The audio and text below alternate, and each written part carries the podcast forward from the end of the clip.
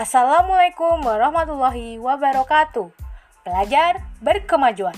Inilah program audio podcast pembelajaran tematik tema 6 Cita-citaku kelas 4 SD. Selamat datang di podcast Udara SD Muhammadiyah Penggung Kulon Progo. Program ini dipersembahkan oleh kelompok 8 Kuliah Kerja Nyata Mubalik Hijrah Universitas Muhammadiyah.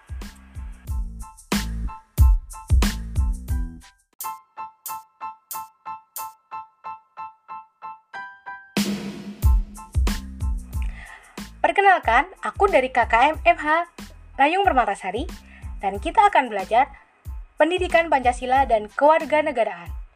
Cara bertoleransi dalam keberagaman keberagaman bagian 4. Banyak sekali manfaat dari keberagaman negara kita.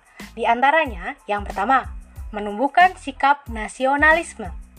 Perbedaan budaya antar daerah satu dengan lainnya membuat kita semakin kaya akan budaya tersebut. Budaya yang beragam itu bila kita kelola dengan baik akan kelihatan semakin indah dan unik. Orang yang belum pernah melihat akan penasaran dan ingin melihat langsung. Jika pendatang banyak, akan menambah penghasilan daerah yang didatangi. Misalnya, orang Jawa, Sumatera, bahkan turis asing akan datang ke Kalimantan Timur untuk melihat langsung orang suku Dayak yang sedang menari dengan gemulai. Penduduk suku Dayak semakin memperbaiki tarian agar wisatawan betah menonton. Dengan memelihara keseniannya berarti orang Dayak sudah menunjukkan sikap nasionalismenya. Yang kedua, identitas bangsa di mata internasional wisatawan asing banyak yang mengenal dan terkenang dengan negara kita karena keunikan Candi Borobudur, keramahan pen penduduknya, pantai Kuta yang menawan, dan lain-lain. Yang ketiga, alat pemersatu bangsa. Keberagaman bahasa daerah memperkaya pembendaharaan bahasa Indonesia yang membuat orang asing ingin mempelajari keunikannya. Yang keempat, ikon pariwisata. Beragamnya kebudayaan negara kita membuat turis tertarik berwisata dan menonton keunikan dari masing-masing kebudayaan tersebut. Yang kelima, menambah pendapatan nasional. Dengan banyaknya wisatawan asing yang berkunjung, menambah devisa negara dan ekonomi sekitar tempat wisata semakin meningkat. Meningkatnya ekonomi berarti taraf hidup semakin sejahtera.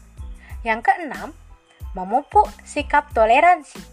Kedatangan wisatawan yang banyak membuat masyarakat sekitar tempat wisata harus menjaga dan membenahi dalam waktu yang segera agar tempatnya tetap menarik.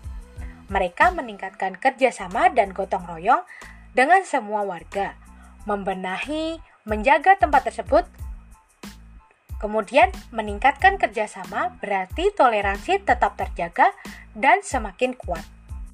Demikian podcast SD Muhammadiyah Penggung tentang cara bertoleransi dalam keberagaman bagian 4. Podcast ini dipersembahkan oleh Universitas Muhammadiyah Yogyakarta dengan produsernya KKN Mubalik Hijrah Kelompok 8. Sumber buku LKS Cermat Tematik 6, Cita-citaku kelas 4 SD. Sampai jumpa!